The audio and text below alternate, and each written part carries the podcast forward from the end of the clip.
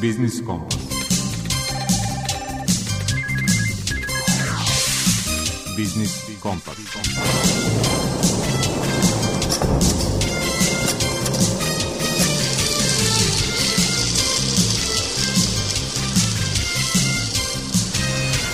Pred mikrofonom je Đuro Vukelić.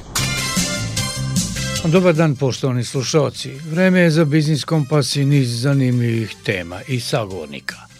U rubrici Aktuelno bavimo se uticajem inflacije i monetarnih alata na rast kamata i poskupljenje kredita. Imali strepnje od rasta nenaplativih kredita? Pitali smo generalnog sekretara Udruženja banaka Srbije Vladimira Vasića.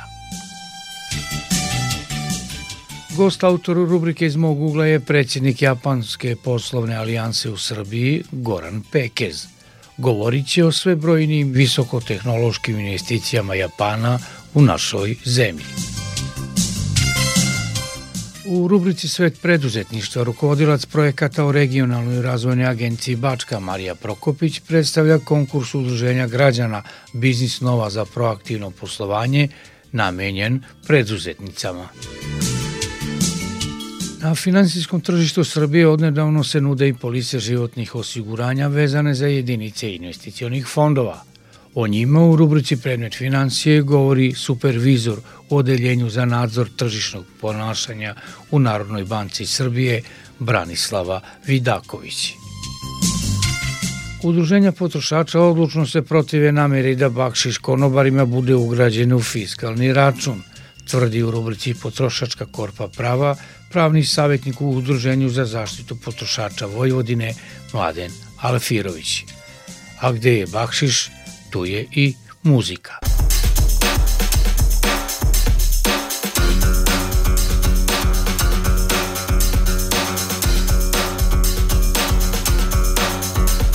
Descendre dans la rue, se mettre à gueuler Descendre l'avenue jusqu'ici Faire entendre nos voix, la liberté. Sais-tu combien de temps ça nous a pris? Il y a tant de choses que tu n'as jamais comprises. Une usine, une vie qui se brise. Quelques cons délocalisent, tout va bien, toi tu ne dis jamais rien. Mais je suis fatigué.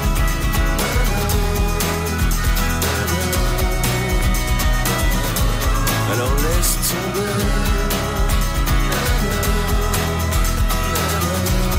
Oh, je suis fatigué. Hier, tu m'as dit que je n'avais pas pleuré. Je n'en ai pas dormi de la nuit. Suis-je vraiment ce mec fatigué qui t'ennuie Qui n'apporte plus grand chose à ta vie? Il y a tant de choses qui ne t'ont jamais touché un fusil, une rose à pavé Quelques cons qui te méprisent Tout va bien, toi tu ne fais jamais rien. Mais je suis fatigué.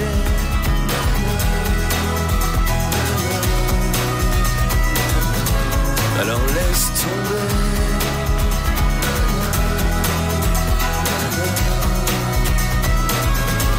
Mais je suis fatigué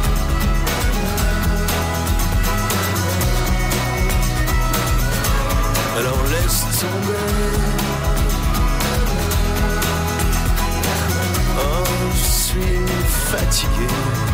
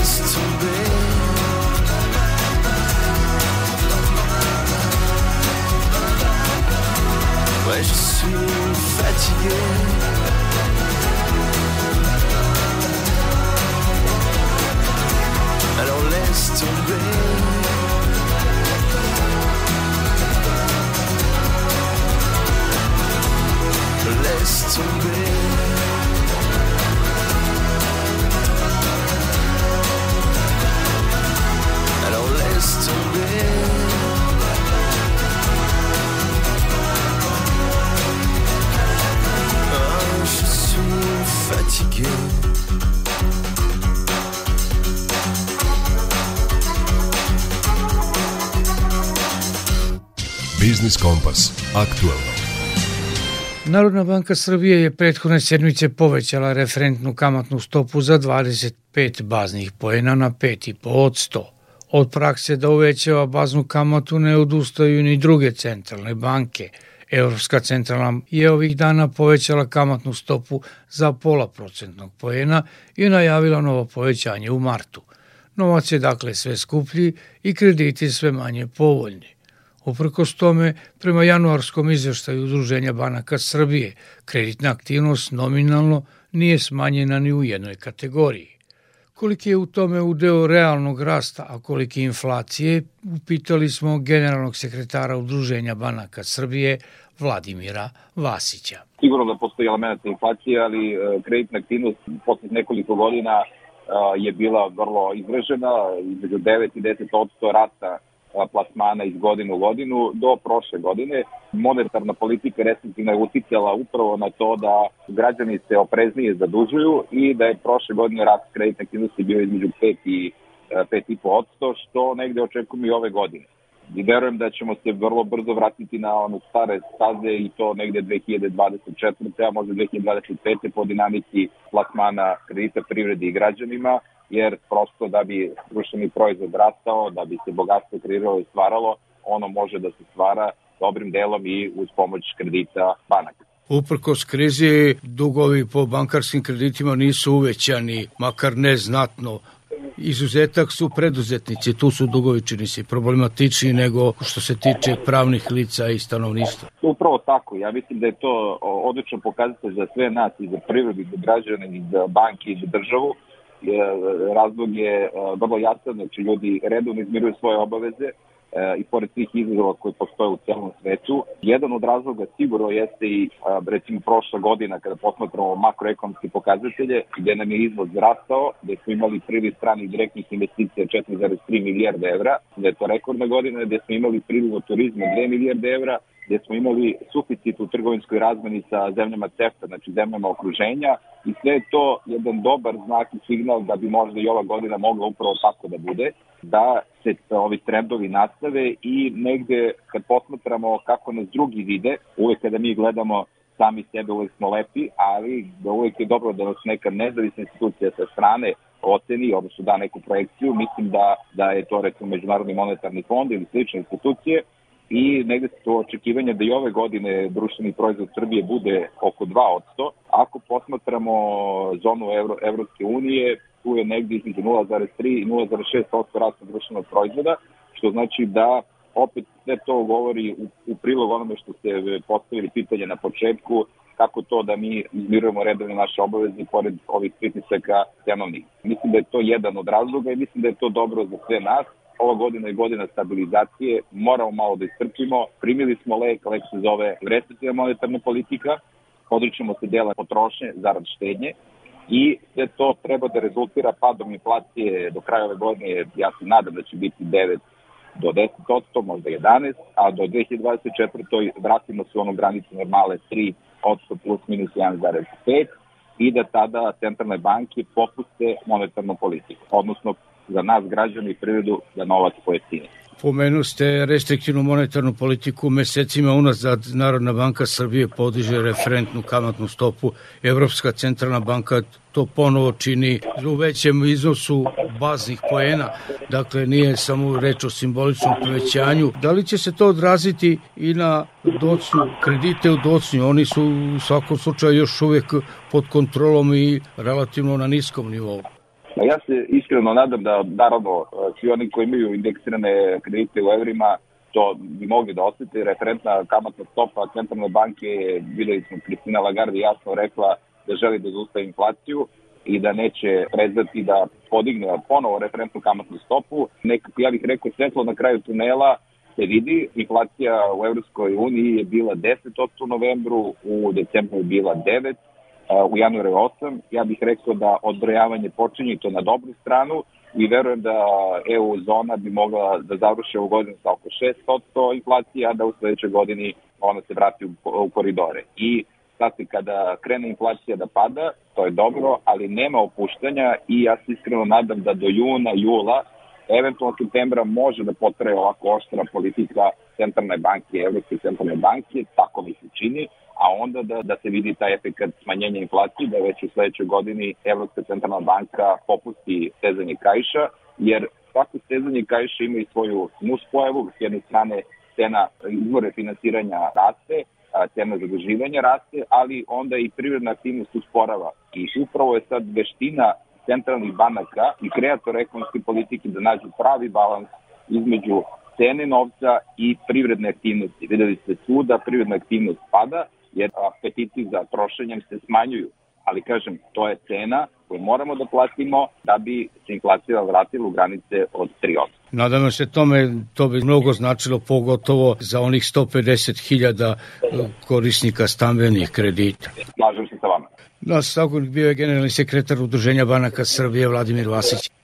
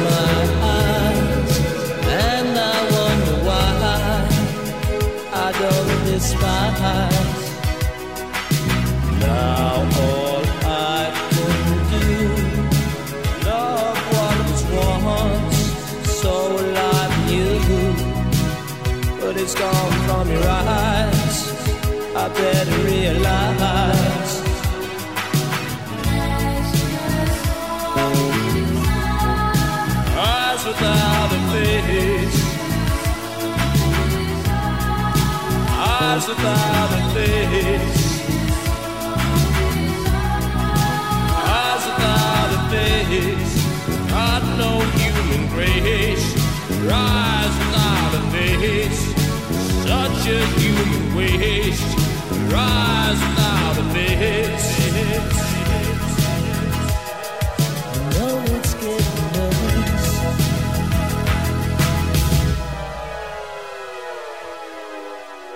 Biznis Kompas iz mog ugla. Japanska poslovna alijansa u Srbiji predstavlja porodicu japanskih i srpskih preduzeća koja godinama unazad sarađuju i zajednički investiraju u našoj zemlji. Japanske kompanije su i sve značajniji investitori u visokotehnološke i projekte zaštitne životne sredine – ističe u rubrici iz mog ugla predsjednik Japanske poslovne alijanse u Srbiji Goran Pekez. Japan je ne samo prijateljska zemlja za Srbiju, nego i jedna od zemalja s kojima Srbija ima najduže uspostavljene odnose. Mi smo prošle godine proslavili ni manje ni više nego 140 godina od uspostavljanja bilateralnih diplomatskih odnosa. To je bila jedna velika godišnica i veliki jubilej um, i prijateljstvo dve zemlje se naravno ogledaju u tome što se Japan i tekako recimo seća nesebične pomoći koju je Srbija pružila nakon tsunamija i nesreće u Fukushimi 2011. godine, a takođe i Srbija se seća i značajne pomoći kojom je Japan uzvratio 2014. godine Srbiji posle katastrofalnih poplava i mnogim drugim naravno donacijama koje je Japan uputio. Što se tiče e, ekonomske saradnje, verovatno će vam svaki poslovni čovek koji radi na relaciji Japan-Srbija potvrditi da je poseta japanskog premijera Shinzo Abe od 2018. godine bila prekretnica u ekonomskim odnosima dve zemlje, pošto je zajedno sa premijerom Abeom Srbiju posetila jedna veoma uticana delegacija najvećih japanskih kompanija. Na konferenciji su i zajednički ugostili naša alijansa, Japanska komora za spoljnu trgovinu kao i Privredna komora Srbije i to je bila prilika da se dogovori gro velikih projekata i investicija koje su se dešavale u godinama koje su uh, sledile iza toga. Takođe, prošlog septembra premijerka Srbije, gospođa Brnabić, je prilikom posete Japanu da bi prisustovala sahrani bivšeg uh, japanskog premijera Shinzabea, sastala se u Tokiju sa premijerom Japana, gospodinom Kishidom, i tada je imala priliku takođe da razgovara o daljoj ekonomskoj saradnji i da se sretne još jednom sa čelnicima najvažnijih japanskih e, kompanija i, i sadašnjih i budućih investitora u Srbiju. Mi smo svedoci da u, proteklim godinama japanske investicije su fokusirane na visokotehnološke strateške projekte u našoj zemlji. Robna razmena između Srbije i Japana je tokom prošle godine takođe porasla na 400 miliona evra, a japanske kompanije same po sebi već e, u zadnjih godinu dve postaju jedni od najznačajnijih investitora e, na srpsko tržište i na prostor Vojvodine pogotovo. Tako da imamo naravno primere e, Nideka koji u Novom Sadu uskoro završava fabriku koja će snabdevati elektromotorima mnoge najmodernije modele automobila širom sveta.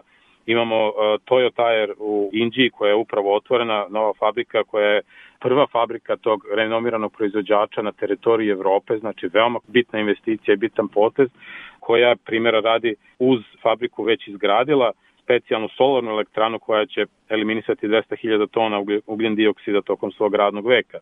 Takođe, Japan Tobacco dugi niz godina već zapošljava 3000 radnika u poljoprivrednoj proizvodnji duvana širom Vojvodine, tako da to su sve velike investicije, veliki projekti kojima veliki broj ljudi u Srbiji je dobio e, radna mesta, ali je to bila prilika i da se razmeni najnovije tehnologije i najnovije prakse u poslovanju e, između Japana i Srbije. Šta očekujemo kao neki fokus za ovu godinu?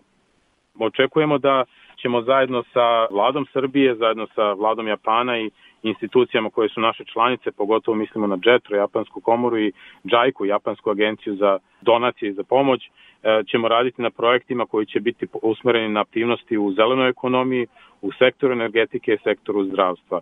Primer radi naša članica Takeda Pharmaceuticals je koliko juče potpisala memorandum o razumevanju s vladom Srbije, čime je formalizovana saradnju na Bio 4 projektu aktivnosti za optimizaciju diagnostike redkih bolesti. Posebno je bitno što se to desilo eto baš u februaru kad se u celom svetu obeležava mesec posvećen redkim bolestima. Dakle, to su sve e, prilike u kojima e, japanske kompanije pokazuju ne samo napore da rašire svoje poslovanje, naprede svoje poslovanje sa Srbijom, nego vidimo da su to projekti koji donose jednu širu dodatu vrednost Srbiji i mislimo da će to biti jako bitno s obzirom da i japanska vlada namerava da dalje proširi svoj program koji je usmeren na zemlje Zapadnog Balkana koje će naravno imati dosta dobrobiti od toga i jedan od najznačajnijih tih projekata sa kojim bi evo završio, koji nije uopšte vezan za poslovanje, ali za, za budućnost je i projekat e, razmene studenta i razvoj takozvanog most budućnost projekta između Japana i Srbije. Tako da sa optimizmom ulazimo ovu godinu, mislimo da smo dosta postigli u prošlosti, a evo dosta uzbudljivih i novih projekata i novih dobrobiti za Srbiju, nadamo se da će biti i u 2023.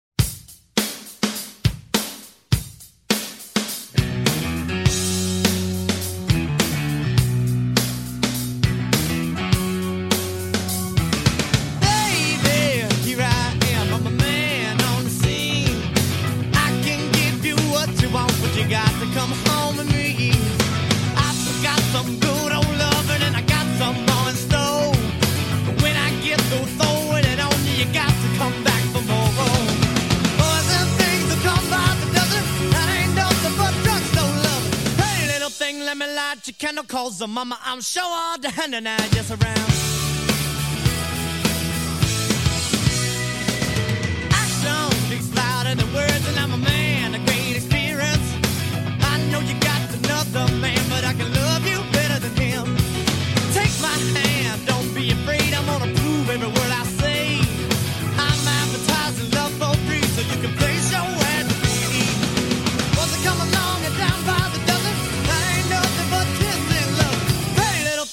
light your candle calls mama. I'm sure all the hand and just around.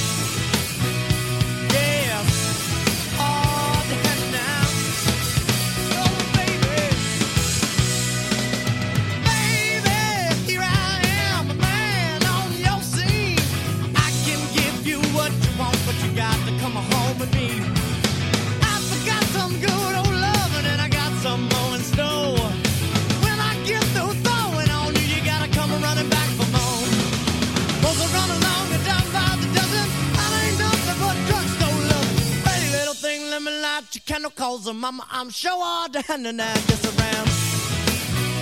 Oh.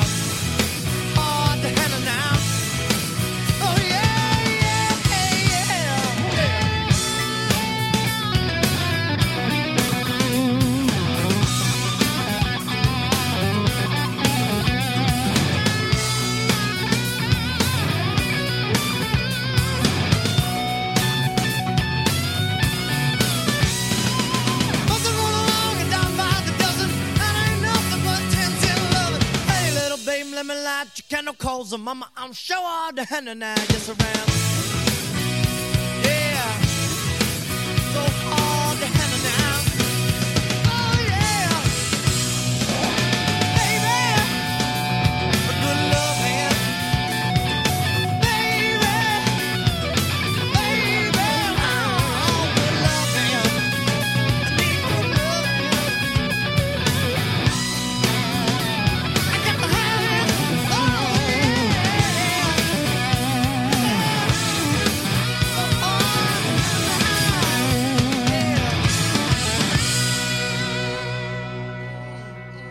Biznis Kompas. Svet preduzetništva. Udruženje građana Biznis Nova za proaktivno poslovanje u Novom Sadu započelo je realizaciju projekata pod nazivom IKT u ženskom preduzetništvu. Projekat finansijski podržava vlada Australije, a o sadržaju obuke govori rukovodilac projekata u regionalnoj razvojnoj agenciji Bačka Marija Prokopić. U okviru ovog projekta predviđeno je da se realizuju tri online obuke kao i konferencija, a prva online obuka zakazana je za period od 21. februara do 24. februara, ukupno znači četiri dana. Tema će biti inovacije u poslovanju. Zašto je bitna ova tema? Jeste a, zbog toga što promene u spoljašnjem okruženju i njihova dinamika danas postavljaju pred svaku organizaciju, nezavisno od delatnosti, veličine i brojnih specifičnosti, zahtev za uvođenjem inovativnih rešenja. Novi proizvodi, novi procesi, nove strukture, organizacijona kultura, novi načini komunikacije sa kupcima, nova pravila, nova tržišta. A, zbog svega toga organizacije moraju naučiti kako se upravlja inovacijama i kako se inovacije u okviru predloženog poslovnog modela koriste za sticanje konkurentske prednosti. Inovativni potencijal organizacije predstavlja faktički osnovu za korak napred, a u okviru ovog modula sve učesnice će imati priliku da ocene inovativni potencijal svoje organizacije, da definišu kritičke faktore, da kreiraju plan razvoja i plan upravljanja inovacijama.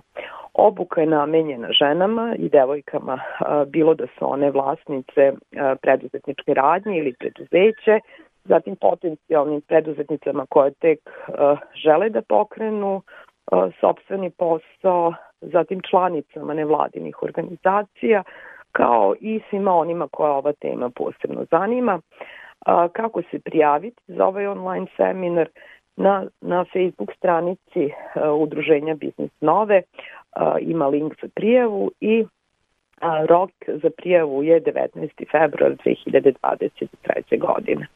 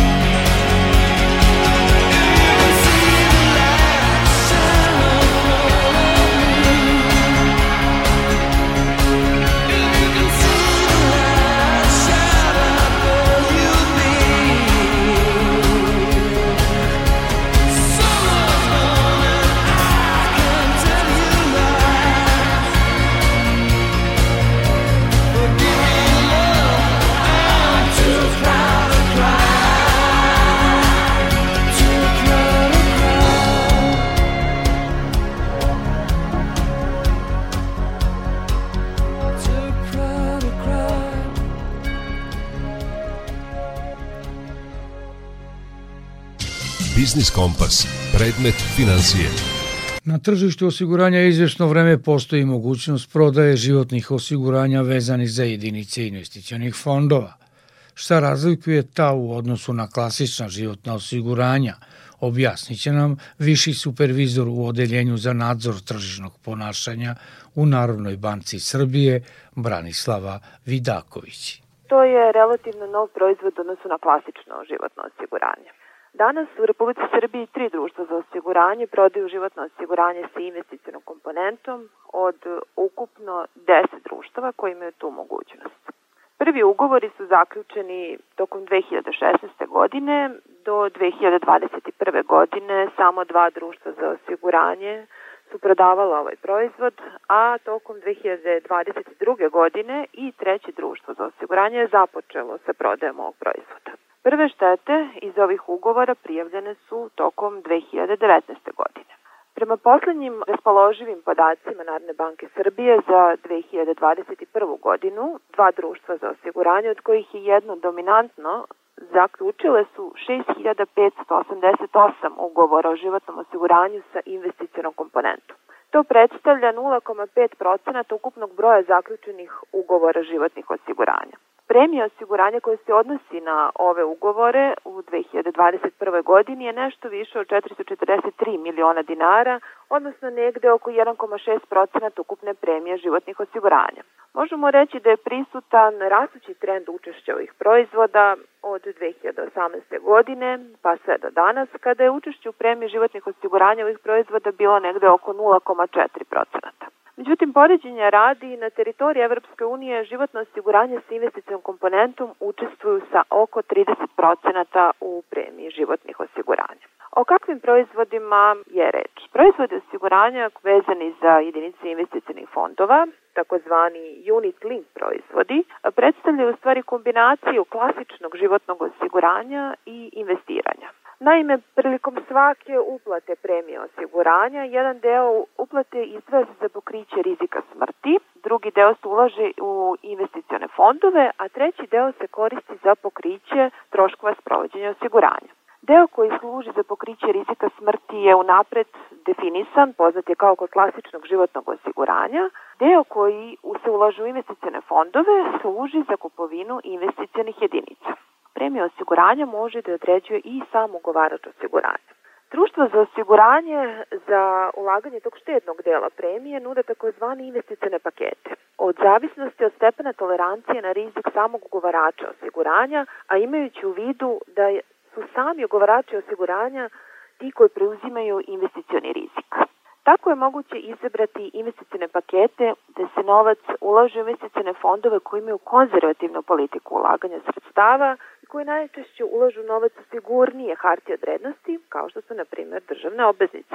A sa druge strane, postoji mogućnost ulaganja u investicione fondove koje investiraju sredstva u manje sigurne investicije, kao što su, na primer, akcije pojedinih pravnih lica, ali koje potencijalno nose sa sobom i veći prinos. Treba imati u vidu da svaki vid investiranja u sebi sadrži određenu dozu rizika, a za investicione fondove karakteristično je da kontrolišu rizik pomoću diversifikacije svojih ulaganja. Sama informacije o ulaganju i radu fondova investicijnog sadržane su u prospektima. Prospekt je osnovni dokument svakog investicijnog fonda koji potencijalnim investitorima pruža potpune jasne informacije o poslovanju fonda i elemente za donošenje odluke o ulaganju. Značajno je napomenuti da u periodima krize, naročito ukoliko su e, investirana značajna akumulirana sredstva, moguće su odstupanja od očekivanih prinosa. Dakle, ovim osiguranjem su pokrivena dva rizika, znači rizik smrti i rizik doživljenja. U slučaju smrti osiguranika isplaćuje se veća osigurana suma između osigurane sume koje služe za pokriće rizika smrti, koja smo rekli već da je unapred poznata, i vrednosti investicionog paketa na individualnom računu ugovarača osiguranja.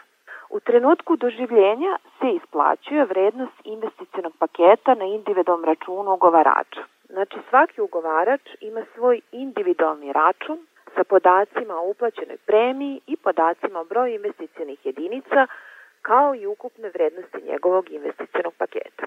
Ono što možemo reći zašto je dobro Unit Link osiguranje, ono omogućava nekada više prinosa odnosno na klasično životno osiguranje. Ali sa druge strane nosi i veći rizik s obzirom da visine isplaćenih sredstava će zavisiti od uspešnosti rada investicijnih fondova u koji je deo novca uložen. Naravno, nivo atraktivnosti ovih proizvoda se povećava u situaciji kada su na finansijskom tržištu u ponudi niske kamatne stope u okviru klasičnih životnih osiguranja.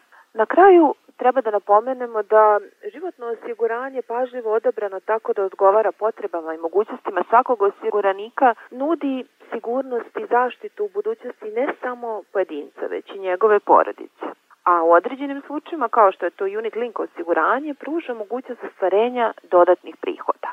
Svakako na teritoriji Republike Srbije dalji rast i razvoj ovih proizvoda uslovljen je razvojem tržišta kapitala, poreskih olakšica, kao i standarda građana kako bi mogli da deo svojih prihoda izdvoje za sigurnost i za štednju.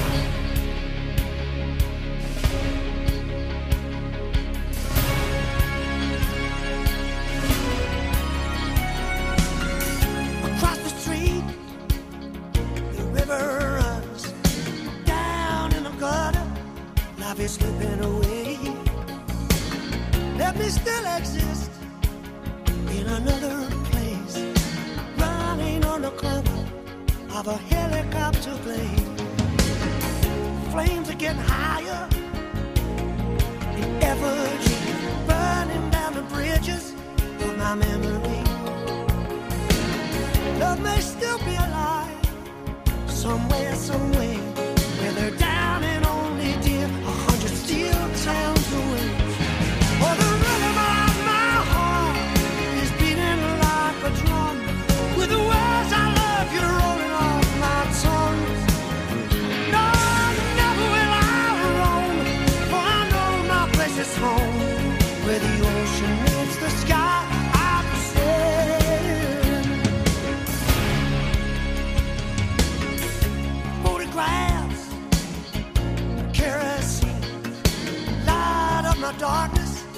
light it up, light it up, light it up. I can still feel a touch of your thin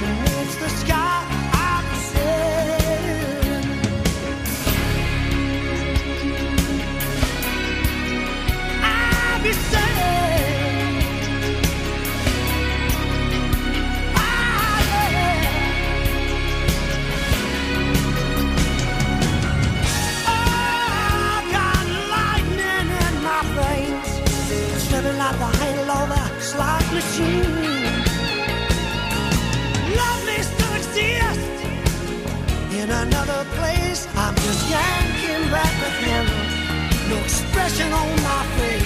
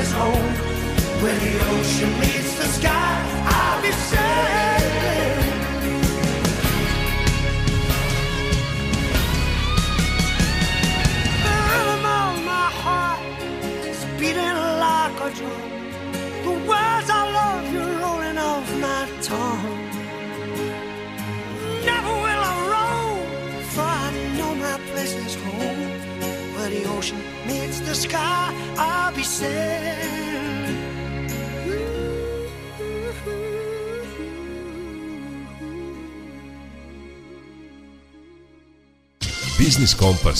Potrošačka korpa prava. Udruženja potrošača odlučno se protive namjeri da bakšiš konobarima bude ugrađen u fiskalni račun.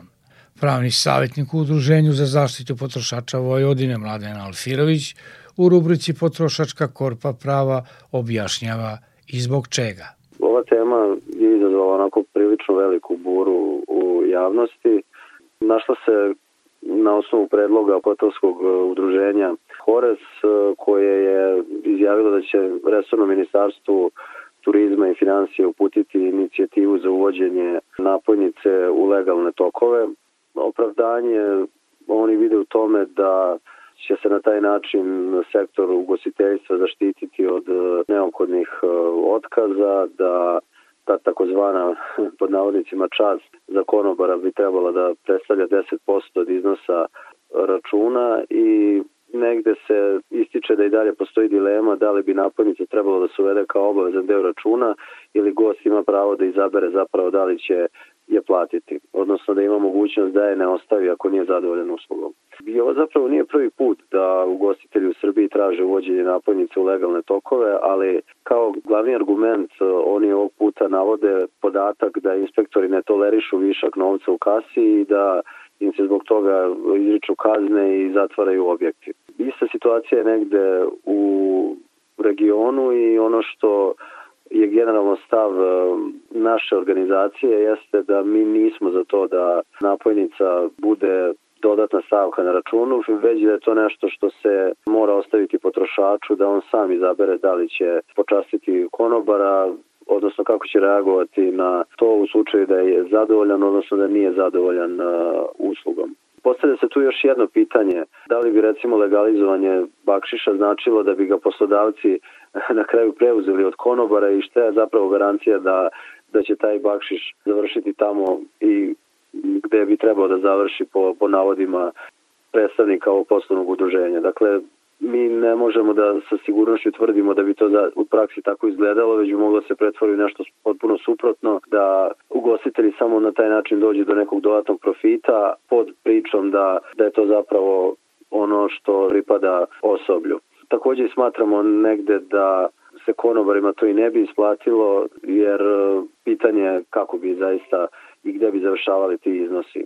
Čak jedan poreski savjetnik je istakao da smatra da nije realno zapravo da država dozvoli ugostiteljima da 10% napojnice bude neoporezovani prihod i kad bi se napojnice uvele u sistem fiskalizacije sa naplatom poreza i doprinosa ne bi se zapravo ni doprinalo da se podigni prihodi konobarima, već bi se njima ova mera najmanje isplatila. Samim potrošačima bi u suštini bilo isto, ali bi to ne, radnike na neki način destimulisalo jer bi dobar deo tog bakšiša otišao na, na plaćanje poreza državi i samim tim on je istakao da, da ne veruje da će država dati bilo kakvu novu kategoriju za to i da će se dozvoliti da se ne plaćaju porezi i doprinosi na, na taj iznos. A sad gledano iz ugla potrošača, ponavljamo negde naš stav da mi kao potrošačka organizacija nismo za to i da se problemi koji ugostitelji imaju sa osobljem zbog ekonomske krize i zbog svega drugog ne mogu na ovaj način prevaljivati na, na teret potrošača koji bi morali da izdvajaju dodatne neke iznose za, za usluge koje su inače poskupele zbog, zbog ekonomske krize i generalno inflacija ko, koja je prilično visoka. Takođe u nekoj anketi koju smo sproveli među potrošačima oni su izrazito nezadovoljni takvim predlogom i smatraju da im se treba ostaviti da na osnovu slobodne volje svoje odluče da li će ostaviti napojnicu ili neće. I generalno pošto se bavimo zaštitom potrošača to je negde i stav naše organizacije